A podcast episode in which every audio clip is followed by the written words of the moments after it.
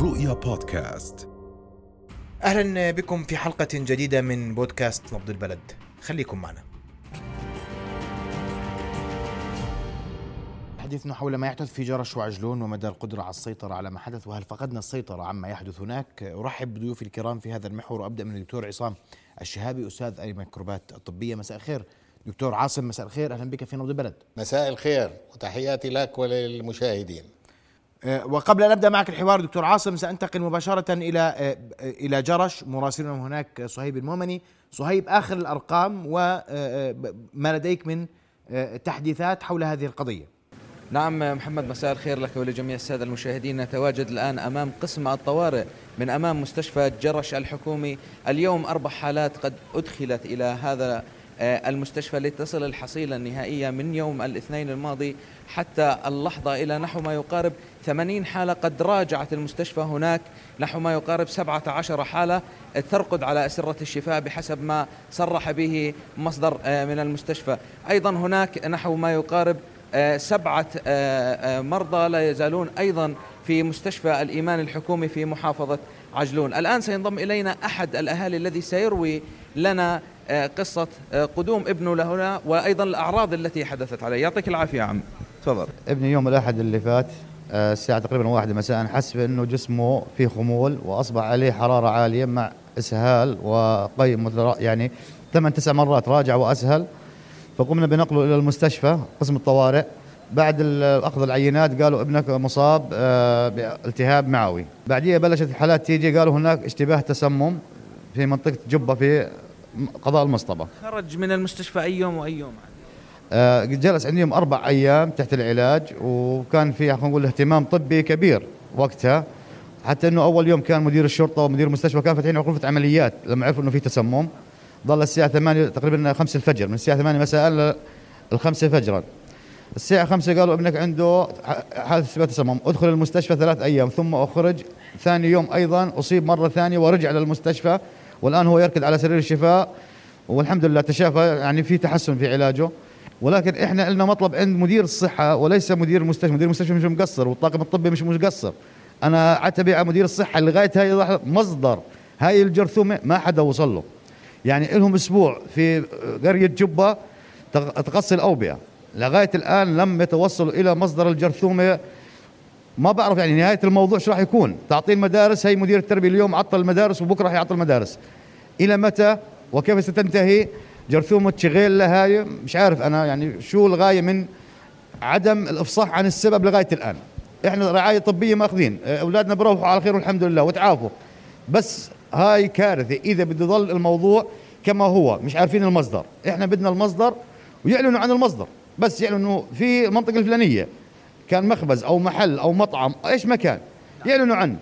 حتى يعني نرتاح لأنه كل يوم في إصابات كل يوم في إصابات كل يوم في إصابات تتجدد الإصابات حتى اللي ينصاب مرة ثانية قاعد يروح يرد ينصاب مرة ثانية قاعد. فمش عارفين هو فيروس لا ينتقل عن طريق الهواء وعن طريق الماء والغذاء. يا ريت هذا مطلبنا. فيصل نتمنى السلام إن شاء الله لوالدك ولجميع المصابين. نعم محمد كانت هذه هي الصورة والأرقام من أمام مستشفى جرش الحكومي. أنقل لك الكلمة في استوديو نبض البلد. أشكرك صهيب انتقل مباشره للدكتور عاصم. دكتور عاصم أنت خبير في في في هذا الموضوع تحديدا وسؤالي آه، هل يعقل أن ينتشر تنتشر هذه البكتيريا بهذه الطريقة؟ وهل هي منتشرة في العالم بهذه الطريقة؟ وهل من معضلة في التعامل معها طبيا؟ آه، اولا أنا حسب يعني متابعتي لأخبار ما حدث في جرش خلال الأيام الماضية. آه، لا شك إنه الموضوع بالنسبة لي غريب والسبب إنه حسب معرفتي وخبرتي الطويلة بالعمل بموضوع البكتيريا المعدية للأمعاء عندنا في منطقتنا بالأردن آه، الشيجيلا لا تعتبر من البكتيريا يعني التي تسبب آه، حالات مرضية كثيرة. وهنالك يعني مثلا السلمونيلا عادة تحدث أكثر ولها لها عدة يعني حدث عدة آه، نتيجة تلوث الغذاء وخصوصا أنواع من الشاورما إلى آخره. لذلك بالنسبة للشيجيلا لسبب إنه لا يعني لا يوجد عدد كبير من الحالات عادة بالأردن. سببه ان تصيب فقط الإنسان ما إلها عائل في الحيوانات وتنتقل من إنسان حامل للشيجيلا لشخص آخر وهذا بالغالبية عن طريق مباشرة تلوث الغذاء أو تلوث مياه أو آه، نقول أي نوع من من المواد الرطبة اللي بتحملها. عموما بكتيريا شيجيلا لا تعيش خارج جسم الإنسان لمدة أكثر من آه، عدة ساعات وهي حتى عند المريض لما تؤخذ منه عينة من البراز يجب أن يزرع البراز في خلال ساعة واحدة وما عدا ذلك فستموت البكتيريا نتيجة حموضة آه، عادة البراز. فالمفروض أن تزرع العينة بلا تأخير ثانيا والغريب بالأمر أنه حتى الآن لم يتم طبعا اكتشاف آه، مصدر العدوى. وإذا كان هنالك مصدر عدوى كالماء فهذه هنالك صعوبة طبعا باكتشاف البكتيريا في الماء لأنه لا تكفي عينة ماء من آه، كوب من الماء أو يعني ما آه، يعني 100 ملي لتر من الماء فعلينا نجمع 10 لتر من الماء ويتم للماء فلترة ويؤخذ الفلتر ويزرع آه، يعني الشييلة الآن بالنسبة حسب ما سمعت من الأعراض المرضية للمرضى اللي أدخلوا للمستشفيات كان هنالك تقيؤ وكان هنالك طبعا حرارة وإسهال والإسهال كان من نوعين إسهال مائي وإسهال دموي. بالنسبة طبعا لكافة الدراسات التي تتعلق بموضوع الشيجيلا معروف إنها بتسبب عادة حرارة بتسبب آه، وجع في الباطن عادة وبالإضافة لذلك آه، إسهال مائي لا دموي الآن قضية التقيؤ هذا شيء غريب لأنه عادة ما بتحدث التقيؤ إلا بنسبة قليلة جدا. وثانيا كما نقلت الأخبار أنه جميع المصابين من الأطفال الذين تقل أعمارهم عن 13 عاما. وهذا كمان شيء غريب لأنه شيجيلا الحقيقة بتصيب طبعا الأطفال أكثر من الباقيين لكن كل إنسان بجميع الأعمار معرضين للإصابة بالشيجيلا ولهذا أقترح أنا يعني على المسؤولين في وزارة الصحة إذا أمكن أن ينظروا إلى وجود نوع آخر من البكتيريا المسببة لهذه الحالات. فهنالك الأنواع بالقليلة ثلاث أنواع من البكتيريا التي يمكن أن تسبب نفس الحالات المشابهة لشيجيلا ومنها بكتيريا تسمى Aeromonas وعادة بتكون في الماء وهذه كمان يمكن عزلها من البراز أو بالماء بشرط أنه تؤخذ كمية كبيرة من الماء وتعمل لها الفلترة. والبكتيريا الثانية أنواع من بكتيريا الكولون المعدية. في هنالك بكتيريا الكولون العادية وفي هنالك المعدية.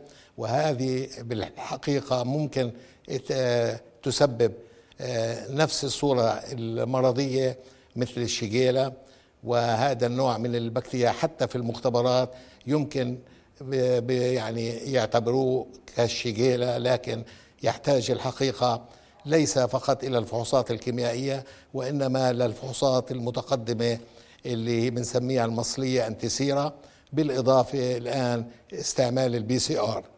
والآن النوع الثالث من البكتيريا واللي أعتقد له يمكن دور في هذه الحالات يسمى Campylobacter ولماذا ذكرت اسم Campylobacter لأنه Campylobacter عادة ينتقل من الحيوانات مثلا جميع أنواع الحيوانات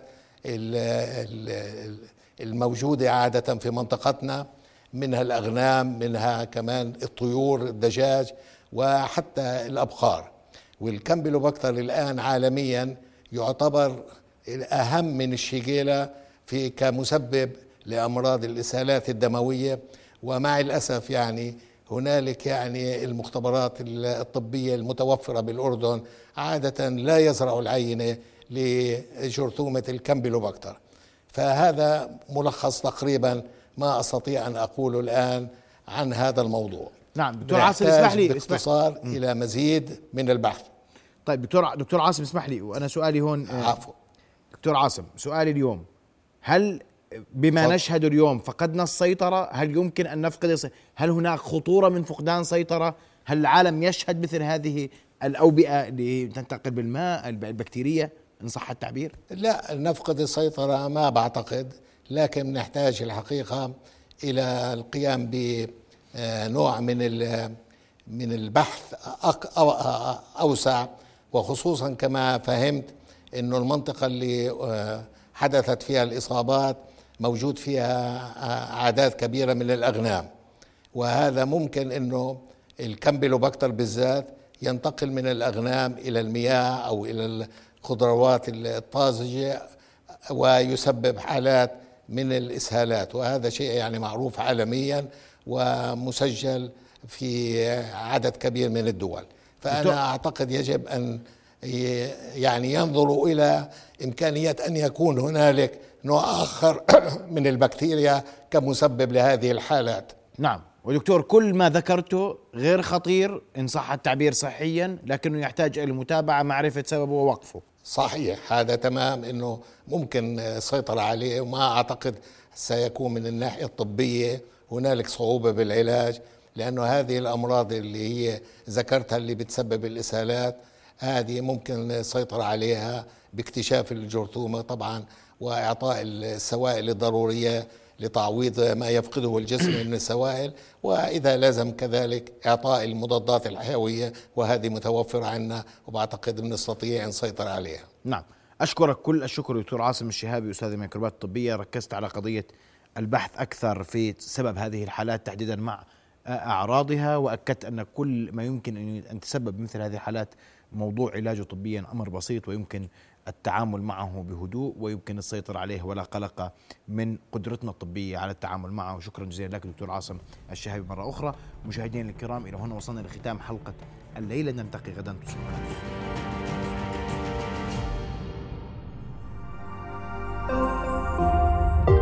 رؤيا بودكاست.